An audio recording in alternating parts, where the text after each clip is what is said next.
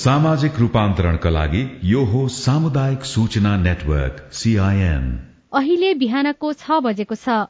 सामुदायिक सूचना नेटवर्क सीआईएनबाट अब प्रसारण हुँदैछ साझा खबर।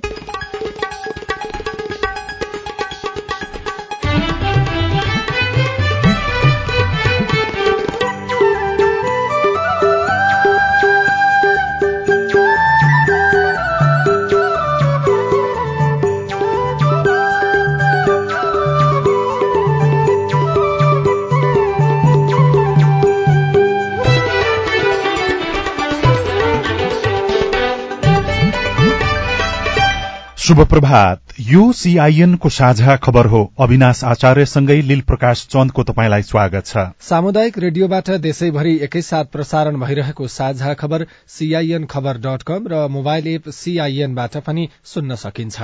आज दुई हजार उनासी साल पुष चार गते सोमबार डिसेम्बर उन्नाइस तारीक सन् दुई हजार बाइस नेपाल सम्बत एघार सय त्रिचालिस पौष कृष्ण पक्षको एकादशी तिथि। साझा खबरमा प्रमुख खबरका शीर्षकहरू। आफ्नै नेतृत्वमा सरकार बनाउने कांग्रेसको निर्णय प्रधानमन्त्रीका लागि माओवादी केन्द्रका तीन विकल्प एकीकृत समाजवादीको संसदीय दलको बैठक आज बस्दै नेपालको राजनैतिक स्थिरताप्रति दिल्लीको चासो समानुपातिक सांसदलाई निर्वाचित भएको प्रमाण पत्र वितरण संसद बैठकको तयारी तीव्र। मौसमी श्रमिक पठाउने कार्यविधि स्वीकृत समपूरक र विशेष अनुदानका लागि प्रस्ताव आह्वान आयल निगमलाई वार्षिक चौवालिस करोड़ भार थपिने गरी इन्धन ढुवानी भाडा बढ़ाइयो। सेनाको आत्मबल बढ़ाउन रूसले युद्धको अग्रपंक्तिमा संगीतकार खटाउने बम विस्फोट गराएर इराकमा नौजना प्रहरीको हत्या उत्तर कोरियाद्वारा बलिस्टिक क्षेप्यास्त्र परीक्षण। र फ्रान्सलाई हराउँदै विश्वकप फुटबलको उपाधि अर्जेन्टिनालाई।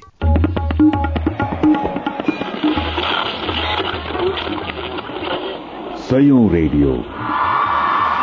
हजारौं रेडियो कर्मी र करोड़ौं नेपालीको माझमा यो हो सामुदायिक सूचना नेटवर्क।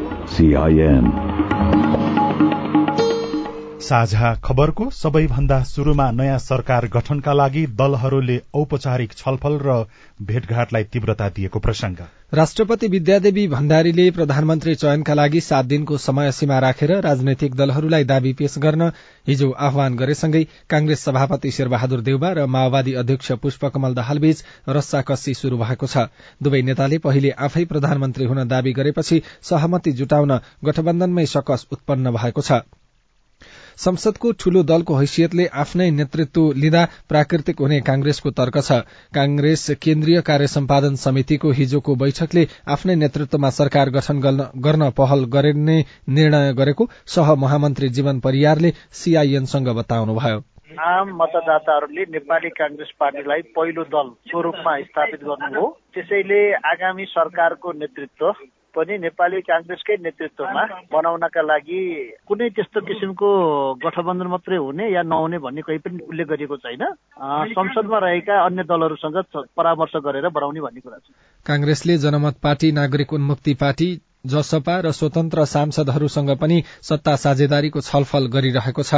अर्कोतिर माओवादी केन्द्रका अध्यक्ष प्रचण्डले नयाँ सरकारको नेतृत्व गर्न पाउनुपर्ने माग गरेपछि अहिलेको गठबन्धन भत्कन सक्ने र एमाले सहितका दलले बहुमत जुटाउन सक्ने सम्भावना पनि बढ़ेको विश्लेषण भइरहेको छ।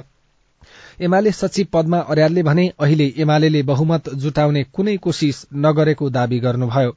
अब गठबन्धनले सकेन भने मुलुकलाई अब सरकार पनि बनाउने कुरा भएन त्यो त्यसपछिको कुरा हो। नत्र आज पहिलो प्राथमिकता गठबन्धनकै हो। त्यसैले गराओस्। हामीलाई त्यति धेरै त्यो सरकारको सन्दर्भमा चासो खाँचो भएर अहिले आफ्नो निम्ति दौडधुप गर्ने कुनै योजनै छैन। अब राष्ट्रिय स्वतन्त्र पार्टीका सभापतिलाई नै भेटेर अध्यक्षज्यूले सरकारमा जाने तयारी केही सोच्नु भएको छ कि छैन भनेर प्रश्न सोधेका खबरहरू आएका थिए। यसले चाहिँ काहीँ अब एमाले पनि त्यो तयारी गरिराखेको हो कि भन्ने जस्तो देखिन्न? नेकपा एमाले एउटा राष्ट्रिय एजेन्डामा चासो राख्ने कुरा तपाईँहरूका पार्टीका के छन् धारणा भनेर सुन्ने कुरा अनि राष्ट्रिय पार्टीका अब नेताहरूलाई भेटघाट गर्ने कुरा संवाद गर्ने कुरा कुनै नौलो कुरा होइन। सरकारमा जाने एजेन्डाका साथ कसैसित वार्ता संवाद हामीले गरेका छैन।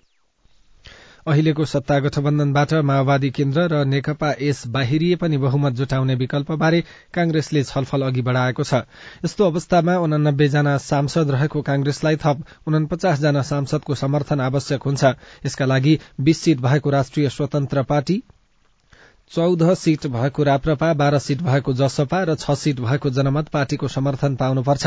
तर यी सबै दलले यो मोर्चालाई साथ दिने निश्चित छैन। त्यसैले चार सीट भएको लोसपा तीन सीट भएको नागरिक उन्मुक्ति पार्टी पाँचजना स्वतन्त्र सांसदको समर्थन दुवै पक्षका लागि अर्थपूर्ण हुनेछ। प्रतिनिधि सभाका दुई सय पचहत्तर जना सांसद मध्ये बहुमतका लागि कम्तीमा एक सय अडतीस जनाको समर्थन चाहिन्छ। राष्ट्रपति विद्यादेवी भण्डारीले एक हप्ताभित्र सरकार गठनका लागि हिजो आह्वान गर्नुभएको छ। माओवादी केन्द्रका अध्यक्ष पुष्पकमल दाहालले भने गठबन्धनका सम्भावित विकल्प खुला राख्दै पहिलो चरणमै आफ्नै नेतृत्वमा सरकार बनाउने रणनीति अघि सार्नु भएको छ। पाँच दलीय गठबन्धनकै बलमा प्रधानमन्त्री बन्ने दाहालको पहिलो विकल्प हो। यसका लागि कांग्रेस तयार नभए एमाले सहितका दलहरूसँग मिलेर सरकार बनाउने दोस्रो विकल्प छ। माओवादी नेताहरूका अनुसार दाहाल राष्ट्रपति उपराष्ट्रपति प्रधानमन्त्री सभामुख उपसभामुख र मुख्यमन्त्रीको भागभण्डा प्याकेजमै गर्नुपर्ने पक्षमा देखिनु भएको छ। साना दल मिलाएर कांग्रेसले सरकार बनाए राष्ट्रपति र प्रदेश सरकार बनाउन विकल्प खोज्ने दाहालको अर्को रणनीति रहेको छ। तर हिजोको बैठकमा अध्यक्ष प्रचण्डले राष्ट्रपति राजनैतिक व्यक्ति नै बन्नुपर्ने धारणा राख्नुभयो। पदाधिकारी बैठकमा समसामयिक राजनैतिक अवस्थाबारे जानकारी गराउँदै अध्यक्ष प्रचण्डले यस्तो धारणा राखेको नेता दिनानाथ शर्माले सीआईएनसँग बताउनुभयो। दलीय व्यवस्थामा निर्दलीय राष्ट्रपति हुँदैन।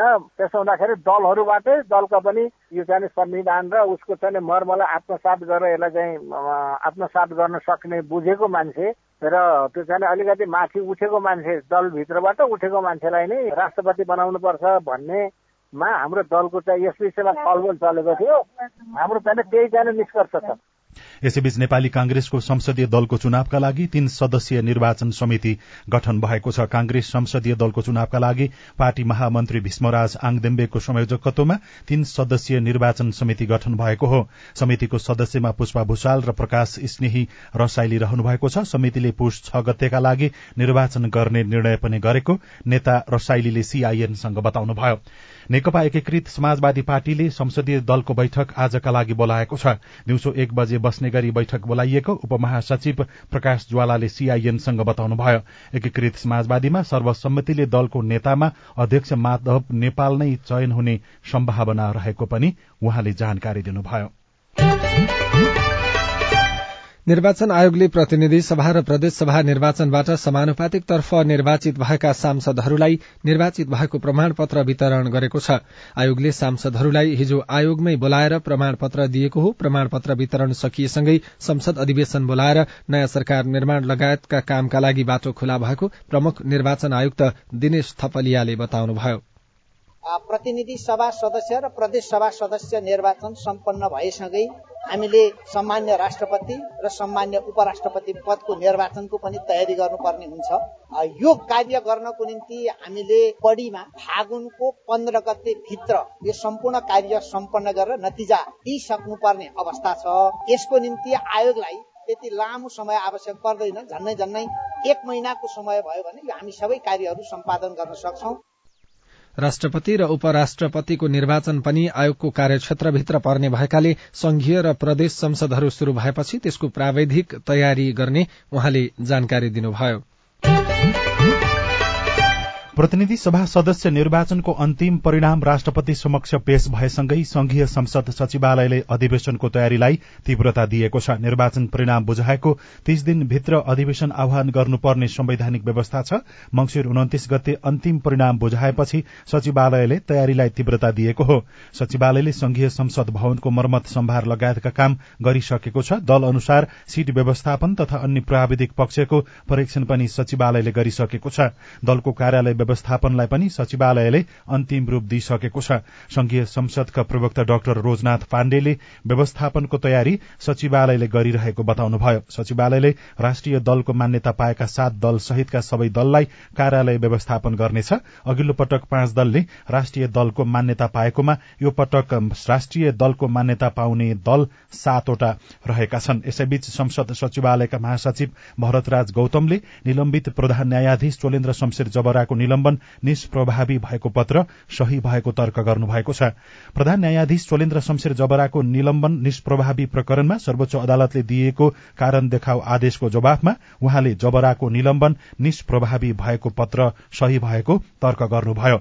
महासचिव गौतमले गत मंगिर एक्काइस गते जबराको निलम्बन निष्प्रभावी भएको पत्र पठाउनु भएको थियो।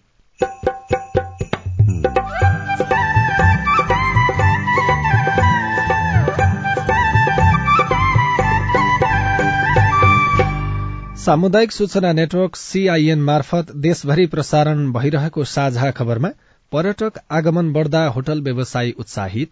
युरोपियन नै राम्रो छ होइन? अब युरोपियनहरूले डिस्काउन्ट माग्दैन। अब यो इजरायलतिरको मान्छे आयो भने चाहिँ अलि बढी डिस्काउन्ट माग्ने हो। मौसमी श्रमिक पठाउने कार्यविधि स्वीकृत समपूरक र विशेष अनुदानका लागि प्रस्ताव आह्वान। आयल निगमलाई वार्षिक चौवालिस करोड़ भार थपिने गरी इन्धन ढुवानी भाडा बढ़ाइयो। लगायतका खबर बाँकी नै छन्। सीआईएनको साझा खबर सुन्दै गर्नुहोला।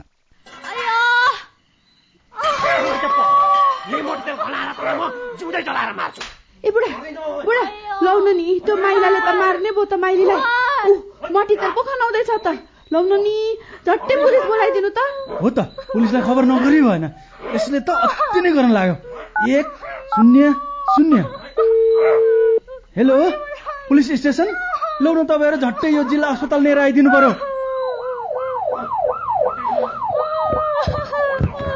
तपाईँहरू जस्तो असल छिमेकीलाई चाहिँ धेरै धन्यवाद है। हामीलाई बेलैमा खबर गरिदिनु भएर थप अप्रिय घटना हुन पाएन। यसरी अग्निजन्य हिंसा महिला हिंसा गर्नेलाई त कानून बमोजिम दण्ड सजाय हुन्छ। ल यसलाई लिएर हिँड्नुहोस् त। सावधान। पेट्रोल मट्टीतेल जस्ता ज्वलनशील पदार्थ लगायत तेजाब करेन्ट आदिले जलाई ज्यान मार्ने अङ्गभङ्ग गर्ने शारीरिक क्षति पुर्याउने जस्ता आपराधिक कार्य गर्नेलाई प्रचलित कानून अनुसार कडा भन्दा कडा सजाय तथा जरिवानादेखि जन्म कैदसम्म हुने व्यवस्था छ। त्यस्ता कार्य नगरौं नगराउ। अग्निजन्य हिंसा भएमा उजुरी गर्न प्रहरीको नम्बर एक शून्य शून्यमा र अन्य आवश्यक सहयोगको लागि बीबीएस नेपालको फोन नम्बर शून्य एक चौन्न पचपन्न छ आठ नौमा सम्पर्क गर्नुहोला। अग्निजन्य हिंसा विरुद्धको अभियानमा एक्सन एड नेपाल र बीभीएस नेपालद्वारा जनहितमा जारी सन्देश। सामाजिक रूपान्तरणका लागि यो हो सामुदायिक सूचना नेटवर्क सीआईएन तपाई अहिले देशभरिका सामुदायिक radio CIN Khabar dot com र मोबाइल एप सीआईएनबाट एकैसाथ साझा खबर सुन्दै हुनुहुन्छ। मोबाइल एप नेपाली पात्रोबाट पनि सीआईएनको साझा खबर सुनिरहनु भएको छ। अब आज काठमाडौँबाट प्रकाशित पत्र पत्रिकाको खबर। गोर्खापत्र दैनिकमा मौसमी श्रमिक पठाउने कार्यविधि स्वीकृत शीर्षकको खबर छ। श्रम रोजगार तथा सामाजिक सुरक्षा मन्त्री शेरबहादुर कुमारले वैदेशिक रोजगारीमा मौसमी श्रमिक पठाउने कार्यविधि स्वीकृत भएको जानकारी दिनुभएको छ।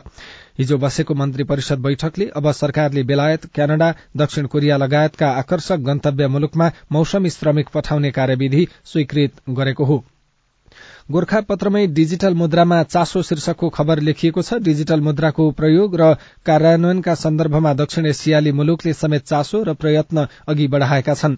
भौतिक मुद्राको साटोमा केही देशले प्रयोगमा ल्याइसकेको यस्तो मुद्राको कार्यान्वयन र त्यसका चुनौतीका सन्दर्भमा सदस्य देशबीच कम्तीमा बहस शुरू भएको छ। सँगै डिजिटल मुद्रा र कर प्रणालीका विषयमा समेत पूर्व तयारीका उपाय खोज्ने क्रममा सदस्य राष्ट्र जुटेका छन्। नेपाल चार्टर एकाउन्टेन्ट संस्था आइक्यानले राजधानीमा हिजो आयोजना गरेको दक्षिण एसियाली लेखा परीक्षकको संगठन साफा सम्मेलनले डिजिटल मुद्रालाई नै प्राथमिकताको विषय बनाएको थियो। त्यसै गरी गोर्खापत्रमै समपूरक र विशेष अनुदानका लागि प्रस्ताव आह्वान शीर्षकको खबर लेखिएको छ। काठमाडौँबाट यो खबर लेखिएको छ। राष्ट्रिय योजना आयोगले प्रदेश र स्थानीय तहमा संघीय समपूरक अनुदान तथा विशेष अनुदानका लागि प्रस्ताव आह्वान गरेको छ। समपूरक अनुदान सम्बन्धी कार्यविधि दुई हजार सतहत्तर र विशेष अनुदान सम्बन्धी कार्यविधि दुई हजार सतहत्तरको व्यवस्था बमोजिम प्रदेश सरकार र स्थानीय तहबाट संघीय समपूरक अनुदान तथा संघीय विशेष अनुदान अन्तर्गत आर्थिक वर्ष दुई हजार अस्सी एकासीमा कार्यान्वयन हुने आयोजना कार्यक्रमका लागि प्रस्ताव आह्वान गरिएको हो। नयाँ पत्रिका दैनिकमा राजनैतिक स्थिरताप्रति दिल्लीमा चासो शीर्षकमा परशुराम काफ्रेले दिल्लीबाट लेख्नु भएको छ। भारतीय विदेश मन्त्री डाक्टर एस जयशंकरले नेपालमा चीनको उपस्थिति रहेको यथार्थ आत्मसात गर्दै भारतले नेपालसँगको सम्बन्ध थप सुदृढ बनाउने बताउनु भएको छ। अन्तर्राष्ट्रिय सम्बन्धबारे अध्ययनरत विद्यार्थीको समूहलाई भारतीय जनता पार्टी मुख्यालयमा सम्बोधन गर्दै उहाँले टीका टिप्पणी गरेर नेपालमा चीनको प्रभाव नघट्ने बताउनुभयो। चीनको उपस्थिति नेपालमा मात्र नभएर विश्वव्यापी रूपमा बढ़ेको भन्दै जयशंकरले परिस्थिति सामना गर्दै भारतले नेपालसँग सम्बन्ध थप सुदृढ बनाउने उल्लेख गर्नुभयो। भित्री पन्नामा निगमलाई वार्षिक चौवालिस करोड़ भे भार थपिने गरी इन्धनको ढुवानी भाडा बढ़ाइयो शीर्षकमा अजित अधिकारीले लेख्नु भएको छ नेपाल आयल निगमले दुई वर्षदेखि बेहोर्दै आएको चरम नोक्सानीलाई पूर्ण रूपले व्यवस्था गर्दै वार्षिक चौवालिस करोड़ व्यवहार थपिने गरी इन्धन ढुवानी गर्ने ट्याङ्करको भाडा दर वृद्धि गर्ने निर्णय गरेको छ। निगमले करिब दश प्रतिशतसम्म भाडा दर वृद्धि गरेको हो। निगमले इण्डियन आयल कर्पोरेशन आईओसीको विभिन्न बरौनी सिलगुढ़ी त्यसै गरी बेतालपुर गोण्डा मुगलसरालाई लखनऊ र बन्थरा डिपोबाट आयल निगमका विभिन्न डिपोसम्म र नेपाल भित्रै निगमको एउटा डिपोदेखि अर्को डिपोसम्म इन्धन ओसार्ने ट्याङ्करको ढुवानीमा नयाँ भाडा दर लागू गरेको हो। सरकारी ऋणपत्रमा बीमा कम्पनीको लगानी बढ़ीमा पच्चीस प्रतिशत मात्रै रहेको खबर कान्तिपुर दैनिकमा छापिएको छ। बीमा कम्पनीहरूले सरकारी ऋणपत्रमा पच्चीस प्रतिशतसम्म लगानी गर्न पाउने भएका छन्। नियामक निकाय बीमा प्राधिकरणले बीमा कम्पनीहरूका लागि जारी गरेको नयाँ लगानी निर्देशिका दुई हजार उनासी मार्फत उक्त व्यवस्था भएको हो। यस अनुसार जीवन बीमा कम्पनी र लघु बीमा कम्पनीले पच्चीस पच्चीस प्रतिशत तथा निर्जीवन बीमा कम्पनी र पुनर्बीमा कम्पनीले बीस बीस प्रतिशतसम्म लगानी गर्न पाउनेछन्। यसअघि बीमा कम्पनीहरूले सरकारी ऋणपत्रमा पाँच प्रतिशत मात्र लगानी गर्न पाउने व्यवस्था रहेको थियो। कम्पनीहरूले पैसा बैंकको मुद्दती निक्षेपमा राखेर ब्याज मात्र खाने क्रम बढ़ेपछि तोकिएको क्षेत्रमा लगानी विविधीकरण गर्न निर्देशिका ल्याइएको खबरमा भनिएको छ। अन्नपूर्ण पोस्ट दैनिकमा पूर्व प्रधान न्यायाधीश राष्ट्रपति बन्न संविधान तगारो शीर्षकमा दिनेश गौतमले लेख्नु भएको छ राष्ट्रपति सरकारी पद हो कि होइन? यो प्रश्न अहिले बहसको केन्द्रबिन्दु बनेको छ। यो सरकारी पद नभएको तर्क गर्दै पूर्व प्रधान न्यायाधीशहरू राष्ट्रपति बन्न गृह कार्यमा छन् तर संवैधानिक कानूनका विज्ञहरू पूर्व प्रधान न्यायाधीशलाई राष्ट्रपति बन्न संविधानले नै छेकेको टिप्पणी गर्न थालेका छन्। राष्ट्रिय मानव अधिकार आयोग बाहेक अन्य सरकारी पदमा नियुक्तिका लागि पूर्व प्रधान न्यायाधीशलाई संविधान नै तगारो बनेको छ। संविधानको धारा एक सय बत्तीस दुईमा लेखिएको छ प्रधान न्यायाधीश वा सर्वोच्च अदालतको न्यायाधीश भइसकेको व्यक्ति यस संविधानमा अन्यथा उल्लेख भएकोमा बाहेक कुनै पनि सरकारी पदमा नियुक्तिका लागि ग्राह्य हुने छैन। संवैधानिक कानूनका ज्ञाता डाक्टर विपिन अधिकारी संविधानको यो व्यवस्थाका लागि राष्ट्रपति पदलाई पनि सरकारी नै मान्नुपर्ने बताउनुहुन्छ। यही संवैधानिक प्रावधानले पूर्व प्रधान न्यायाधीशलाई राष्ट्रपति हुनबाट रोक्ने डाक्टर अधिकारीको तर्क छ। हरिराम उप्रेतीले गोर्खाबाट पप्पू कन्स्ट्रक्सनको ठेक्का तोडेर कालो सूचीमा राख्न शुरू भएको खबर कान्तिपुर दैनिकमै लेख्नु भएको छ। आठ वर्षसम्म त्रिशुलीमा बन्ने बुट्टार पुल अल्पत्र पार्ने पप्पू कन्स्ट्रक्सनको ठेक्का सम्झौता अन्तत सड़क कार्यालयले तोडेको छ। गत खरिद सम्झौता अन्त्य गर्दै एघार किलो छेबेटार भालुस्वारा बारपाक सड़क कार्यालयले पप्पू कन्स्ट्रक्सन पोखरिया वीरगंज पर्सालाई कालो सूचीमा राख्न समेत प्रक्रिया शुरू गरेको छ। पटक पटक लिखित एवं मौखिक जानकारी तथा ताकेता गर्दा समेत निर्माण नसक्ने गराउने सम्बन्धमा निर्माण व्यवसायीले प्रयास र ताद्रुकता नदेखाएपछि सम्झौता अन्त्य गरिएको कार्यालयका योजना प्रमुख पशुपति गेवालीले बताएको खबरमा उल्लेख छ। साझा खबरमा अब प्रश्नोत्तर श्रृंखला सजना तिमल सिन्हाबाट। नमस्कार म निशान्त तामाङ धनकुटाबाट। मैले त्रिभुवन विश्वविद्यालय अन्तर्गतको इन्जिनियरिङ अध्ययन संस्थानको प्रवेश परीक्षा पास गरेको छु र मङ्सिर उन्तिसबाट विश्वविद्यालयले प्रायोरिटी फर्म पनि खुलाएको छ। म कक्षा एकदेखि दससम्म सरकारी स्कुलमा पढेकोले चाहिँ कोटामा फर्म भर्न नमिल्ने जो अलिक पुँजीपति वर्ग छ उनीहरूले चाहिँ छात्रवृत्ति पाए तर मैले पाइन शिक्षा मन्त्रीज्यू। हामी के हामी निम्न वर्गको मान्छेलाई चाहिँ हामीलाई नपढ भनेको हो र तपाईँको प्रश्न सुनेपछि शिक्षा विज्ञान तथा प्रविधि मन्त्री देवेन्द्र पौडेलको जवाब छ। यो विषय यहाँले उठाउनु भएको छ। सार्वजनिक विद्यालयहरूलाई प्रोत्साहन गर्नको निम्ति छात्रवृत्तिको व्यवस्था गरेको नेपाल सरकारले। यहाँले राखेको प्रश्न मैले भर्खरै चेन्ज गर्न सक्दिनँ। निजी विद्यालयलाई पनि हामी सम्मान गरेका छौँ तर फेरि पनि सार्वजनिक विद्यालयहरूमा पढ्ने विद्यार्थीलाई प्रोत्साहन गरेर छात्रवृत्तिको दस प्रतिशत व्यवस्था गरेको हुँदाखेरि तपाईँलाई त्यो कारणले कलेजले त्यसो भनेको हुन सक्छ धनी र गरिबको प्रश्न भएन। सार्वजनिक विद्यालयमा झन् गरिबका छोराछोरीहरूले पढ्छन्। गरिबका छोराछोरीहरू पढ्ने भएको हुँदाखेरि तिनै गरिबका छोराछोरीहरूले कमसेकम दस प्रतिशत भए पनि उच्च शिक्षामा सार्वजनिक विद्यालयमा पढेकोले चाहिँ अवसर प्राप्त गरून् भनेर मन्त्रालयले व्यवस्था गरेको हो। हाम्रो फेसबुक पेजमा बाराका नितेश कुमार शाहले भारतको एक विश्वविद्यालयबाट मेडिकल बायोकेमिस्ट्रीमा एमएससी गरेको तर समकक्षता प्रमाणपत्रमा डिग्री नखुलाइँदा समस्या भयो भनेर आफ्नो गुनासो लेख्नु भएको छ। नितेशजी तपाईँको समस्या समाधानको लागि पाठ्यक्रम विकास केन्द्रमा बुझ्दा केन्द्रका कार्यकारी निर्देशक प्राध्यापक डाक्टर पारसनाथ यादवले आफूलाई सम्पर्क गर्न भन्नु भएको छ। अन्ठानब्बे पाँच सय बाह्र चौवन्न आफ्नो समस्या टेक्स्ट गर्दा मैले फाइल हेरेर जवाब देखिहाल्छु है। अझै त्रुटि भएछ भने करेक्सन गर्छु। Facebook page community information network सीआईएनमै ताप्लेजुङका सुबिन राई वडा नम्बर पाँचको स्वास्थ्य चौकीमा कुनै औषधि नभएको किन भनेर सोध्नुहुन्छ। सुबिनजी तपाईँको प्रश्नमा ताप्लेजुङको पाथिभरा याङबर गाउँपालिकाको स्वास्थ्य शाखा प्रमुख देवेन्द्र लिम्बुको जवाब छ। उहाँहरूलाई जति चाहिने औषधिहरू सप्लाई भइरहेको छ। त्यो प्रक्रियामा त खरिदको त होइन। खरिदको प्रक्रिया अब अगाडि बढिरहेको छ। अब त्यो औषधिहरू आउँछ भएको औषधिहरू उहाँले सप्लाई भइरहेको छ। म नुवाकोटबाट रामकुमार थापा। कृषि सामग्री सस्तमसित चाहिँ सहकारीसित आबद्ध भएको मान्छेले मात्रै मोल पाउने अरूले नपाउनेको कारण के हो र जिज्ञासा मेटाइदिनका लागि हामीले कृषि सामग्री कम्पनी लिमिटेडका प्रबन्ध निर्देशक राजेन्द्र कुमार कार्कीलाई अनुरोध गरेका छौं। यो मलको दुरुपयोग नहोस्। र यो मल सही किसानसम्म पुगोस् भनेर सम्बन्धित सहकारीहरू जो सहकारीहरू डिलर्स वा सिफारिस गरेर कृषि सामग्रीमा चाहिँ दर्ता हुनुहुन्छ र दर्ता भए पश्चात उहाँहरू डिलरको रूपमा चाहिँ उभिनुहुन्छ उहाँहरूलाई मात्र हामीहरूले दिन्छ अरूलाई दिन मिल्दैन। तपाई जुनसुकै बेला हाम्रो टेलिफोन नम्बर शून्य एक बान्न साठी छ चार छमा फोन गरेर आफ्नो प्रश्न जिज्ञासा गुनासा अनि समस्या रेकर्ड गर्न सक्नुहुनेछ। साझा खबरमा अब विदेशको खबर। रूसले युक्रेनसँगको युद्धमा सैनिकहरूको मनोबल बढ़ाउन अग्रपंक्तिमा संगीतकारहरू तैनाथ गर्ने बताएको छ। युक्रेनसँग युद्धमा खटिएका धेरै सैनिकमा आत्मबल कम रहेको निष्कर्ष निकाल्दै रक्षा मन्त्रालयले उनीहरूको आत्मबल बढ़ाउन फ्रन्ट लाइन क्रिएटिभ ब्रिगेड गठन गर्ने घोषणा गरेको हो। यसमा गायक र संगीतकारहरू दुवै रहने बताइएको छ। उत्तरी इराकमा बम विस्फोट गराएर नौजना प्रहरी अधिकारीको हत्या गरिएको छ। राजधानी बगदादबाट झण्डै दुई सय नब्बे किलोमिटर टाढा रहेको किर्कुक शहर नजिकै हिजो उक्त आक्रमण भएको हो। आक्रमणको जिम्मेवारी इस्लामिक स्टेट समूहले लिएको छ। र उत्तर कोरियाले हिजो दुईवटा बालिस्टिक क्षेप्यास्त्र परीक्षण गरेको छ। नयाँ हतियार प्रणालीका लागि ठोस इन्धन प्रयोग गर्ने मोटरको सफल परीक्षण गरेको केही दिनपछि उत्तरले दुईवटा क्षेप्यास्त्र परीक्षण गरेको दक्षिण कोरियाली सेनाले जनाएको छ। साझा खबरमा अब खेल खबर। विश्वकप फुटबल विशेष। छत्तीस वर्षपछि अर्जेन्टिनाले विश्वकप फुटबलको उपाधि जितेको छ। लियोनल मेस्सीको कप्तानीमा रहेको अर्जेन्टिनाले कतारमा भएको बाइसौं विश्वकपको उपाधि गैराती जितेको हो। लुसैल रंगाशालामा गैराती भएको फाइनलमा साबिक विजेता फ्रान्सलाई पेनाल्टी सुटआउटमा चार दुई गोलले हराउँदै अर्जेन्टिनाले विश्वकपको उपाधि उचालेको हो।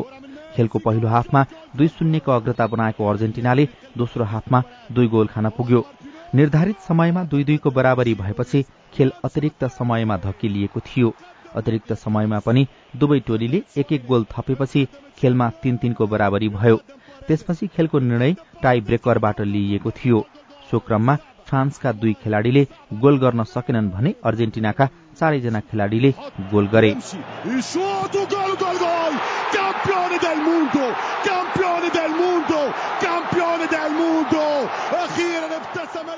अर्जेन्टिनाले यसअघि सन् उन्नाइस सय अठहत्तरमा नेदरल्याण्ड्सलाई तथा उन्नाइस सय छयासीमा जर्मनीलाई हराउँदै विश्वकपको उपाधि जितेको थियो।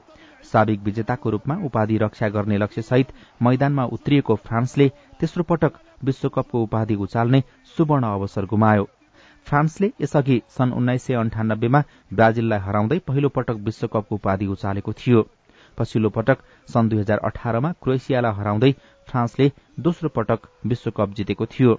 विश्वकपको उपाधिसँगै व्यक्तिगत स्पर्धाको उपाधिमा पनि अर्जेन्टिनी खेलाड़ीको वर्चस्व रह्यो।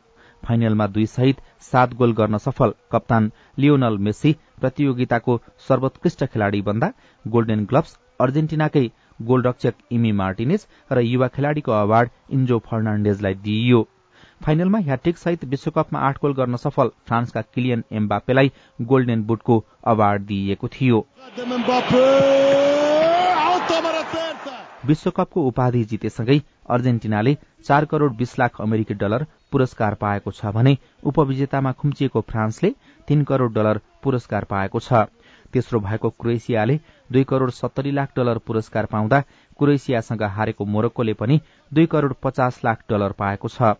एक महिना चलेको कतार विश्वकप लियोनल मेस्सीलाई सर्वकालीन महान खेलाड़ी र किलियन एम्बापेलाई अबको स्टार खेलाड़ीको रूपमा अभ्याउँदै सकिएको छ। कोरोनाले थलिएका व्यवसायी करिब तीन वर्षपछि तंग्रिने अवस्थामा। रिपोर्ट अरू खबर र कार्टुन पनि बाँकी नै छ। सीआईएनको साझा खबर सुन्दै गर्नुहोला। सीआईएनको साझा खबर अब नेपाली पात्रोमा पनि। स्थानीय राष्ट्रिय तथा अन्तर्राष्ट्रिय समाचार नेपाली एफएम तथा अनलाइन रेडियोहरू एकै ठाउँमा सुन्न तिथि मिथि तथा पञ्चाङ्ग सम्बन्धी सबै जानकारी लिन। अन्तर्राष्ट्रिय मुद्राको नेपाली विनिमय दर सुन चाँदीको दर भाव मौसम सम्बन्धी सूचना र सार्वजनिक विधा बारेको जानकारी लिन पनि। नेपाली पात्रो अब तपाईँको मोबाइलमा। सामाजिक रूपान्तरणका लागि यो हो सामुदायिक सूचना नेटवर्क सीआईएन यसअघि प्रसारित खबरमा नेपाली कांग्रेसका सहमहामन्त्री भीष्मराज आङदेम्बे हुनुपर्नेमा अन्यथा भएकोले सच्याइएको छ। साझा खबरमा अब होटल व्यवसायमा देखिएको उत्साह। कोरोना संक्रमणका कारण करिब तीन वर्ष थला परेको नेपालको पर्यटन क्षेत्र बाह्य पर्यटकको आगमन बढ़ेसँगै उत्साहित बनेको छ। नेपाल पर्यटन बोर्डका अनुसार सन् दुई हजार बाइसको आठ महिनामा हवाई मार्गबाट तीन लाख भन्दा धेरै पर्यटक नेपाल भित्रिएका छन्। पर्यटकीय क्षेत्रका व्यवसायीलाई स्वागत सत्कार र खानपानको व्यवस्थापनमा भ्याइ नभ्याइ छ। ऋण धन गरेर गरेको। ठ्याक्कै कोरोना भएपछि अनि एक त बिजनेस जुन सोचेको थियो त्यो नभएको हिसाबले निराशा पनि हुनु। रसुवा सदरमुकाम धुन्चेका होटल व्यवसायी सन्तोष घलेलाई हिजो आजको व्यस्तताले उत्साह थपे पनि कोरोना कालमा पाएको दुःख तनाव सधैँभरिका लागि बिर्सन पाए हुन्थ्यो जस्तो लाग्छ। छब्बीस वर्षको होटल व्यवसाय अनुभवमा कोरोनाको प्रभाव सबैभन्दा पीड़ादायी लाग्छ बुद्धलक्ष्मी तामाङलाई। हिजो आज भने पर्यटकको सत्कार गर्न उहाँलाई फुर्सदै छैन। ढेँडो खानेलाई ढेँडो रातो चामल खानेलाई रातो चामल अब भाले खानेलाई भाले माछा खानेलाई माछा जे अर्डर त्यही अर्ग्यानिकै खुवाउने प्रयास चाहिँ मैले चाहिँ। लाङटाङ राष्ट्रिय निकुञ्ज धार्मिक स्थल गोसाई कुण्ड तामाङ सम्पदा मार्ग सहित पार्वती कुण्ड सूर्यकुण्ड लगायतका कारण रसुवामा आन्तरिक तथा बाह्य पर्यटक पुग्छन्। पर्यटकलाई रसुवाकै उत्पादन खुवाउनु पर्छ भन्ने मान्यता बढ़दै जाँदा कृषिमा लाग्नेहरूलाई पनि धेरथोर सहयोग पुगेको पत्रकार ज्ञानेन्द्र नेउपाने आफ्नो रचना मार्फत सुनाउनुहुन्छ। कालो मुसुरु मिठो मान्दछन् सबजना गोलजुङका नामले घिउसेमी प्रख्यात भएर आयो है गतलाङका ठामले। चालू आर्थिक वर्षको साउनदेखि कार्तिकसम्ममा मात्रै चौध हजार तीन सय भन्दा बढ़ी पर्यटक रसुवा पुगेको लाङटाङ राष्ट्रिय निकुञ्जको तथ्याङ्कले देखाउँछ। अर्का होटल व्यवसायी लक्षिण छवाङ लामा नेपाली अहिले अलिक बढी घुम्न थालेछ। अहिले अब युरोपियनहरू आयो भने चाहिँ अब युरोपियन नै राम्रो छ होइन? अब युरोपियनहरूले डिस्काउन्ट माग्दैन। अब यो इजरायलतिरको मान्छे आयो भने चाहिँ अलिक बढी डिस्काउन्ट माग्ने हो। नेपाली त डिस्काउन्ट माग्दै माग्दैन खासै। होटल व्यवसायी संघ रसुवाका अनुसार सदरमुकाम धुन्चे सहित विभिन्न स्थानमा करिब तीन सय होटल तथा लज सञ्चालनमा छन् जहाँ तीन हजार पर्यटक बस्न सक्ने व्यवस्था मिलाइएको छ। संघका अध्यक्ष निशान गजरेल। हाम्रो गोसाईकुण्ड परापूर्व कालदेखि गोसाईकुण्ड हो। लाङटाङ परापूर्व कालदेखिको लाङटाङ हो। यसको वर्णन भनेको चाहिँ बाह्र तेह्र हजार वर्ष अगाडिको स्कन्द पुराण अन्तर्गत हिमवत खण्डमा पनि यसको उल्लेख भएको छ होइन? यो त्यति अगाडिदेखिको तीर्थ हो। त्यही भएर हामीहरूलाई यहाँ जति आउँछन् नेपालीहरू आउँछन् उहाँहरूलाई नै हामीले राम्रोसँग चाहिँ आदर सत्कार गरेर राम्रोसँग उहाँलाई खुसी बनाएर पठायौँ भने हामीलाई विदेशी नआउँदा पनि केही फरक नपर्नेछ भनेर चाहिँ हामीले भूकम्पमा सिक्यौँ। त्यस पछाडि यो दुईवटा कोभिडमा त हाम्रो नेपालीले बचाएको हो।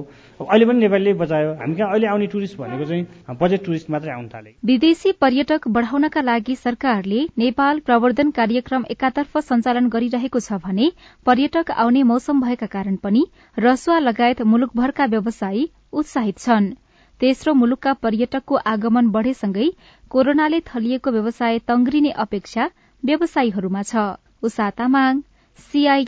काठमाडौँ। रायो साग मुला काँक्रो र फर्सी त्यो बारको क्षेत्रमै रह्यो।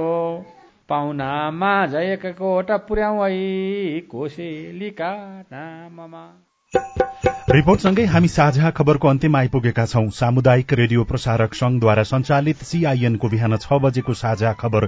सक्नु अघि मुख्य मुख्य खबर फेरि एकपटक। आफ्नै नेतृत्वमा सरकार बनाउने कांग्रेसको निर्णय प्रधानमन्त्रीका लागि माओवादी केन्द्रका तीन विकल्प एकीकृत समाजवादीको संसदीय दलको बैठक आज बस्दै। नेपालको राजनीतिक स्थिरताप्रति दिल्लीको चासो समानुपातिक सांसदलाई निर्वाचित भएको प्रमाणपत्र संसद बैठकको तयारी तीव्र। मौसमी श्रमिक पठाउने कार्यविधि स्वीकृत समपूरक र विशेष अनुदानका लागि प्रस्ताव आह्वान आयल निगमलाई वार्षिक चौवालिस करोड़ भार थपिने गरी इन्धन ढुवानी भाडा बढ़ाइयो। सेनाको आत्मबल बढ़ाउन रूसले युद्धको अग्रपंक्तिमा संगीतकार खटाउने बम विस्फोट गराएर इराकमा नौजना प्रहरीको हत्या उत्तर कोरियाद्वारा ब्यालिस्टिक क्षेप्यास्त्र परीक्षण। र फ्रान्सलाई हराउँदै विश्वकप फुटबलको उपाधि अर्जेन्टिनालाई। साझा खबरको अन्त्यमा कार्टुन। कार्टुन हामीले यी हिमालय टाइम्समा महेश बस्ताकोटीले चसक्क शीर्षकमा लेखेको कार्टुन लिएका छौं। व्यङ्ग्य गर्न खोजिएको छ। दलहरूको बीचमा पदको भागभण्डा चलिराखेको छ। एउटा कालो कोठा छ। कालो कोठामा भित्र छिर्नको लागि दुईजना नेताहरू तछाड मछाड गरिराखेका छन्। पछाडिपट्टि एकजना व्यक्तिले केही भनिराखेका छन्। माथि चाहिँ यस्तो लेखेको छ हत्तेरी पद सद भागभण्डा गरेर सकिसको होला। हस्त प्राविधिक साथी सुनिल राज भारतलाई धन्यवाद। अहिलेलाई लील प्रकाश चन्द र अविनाश आचार्य विदा भयौं। तपाईँको आजको दिन शुभ होस्। नमस्कार।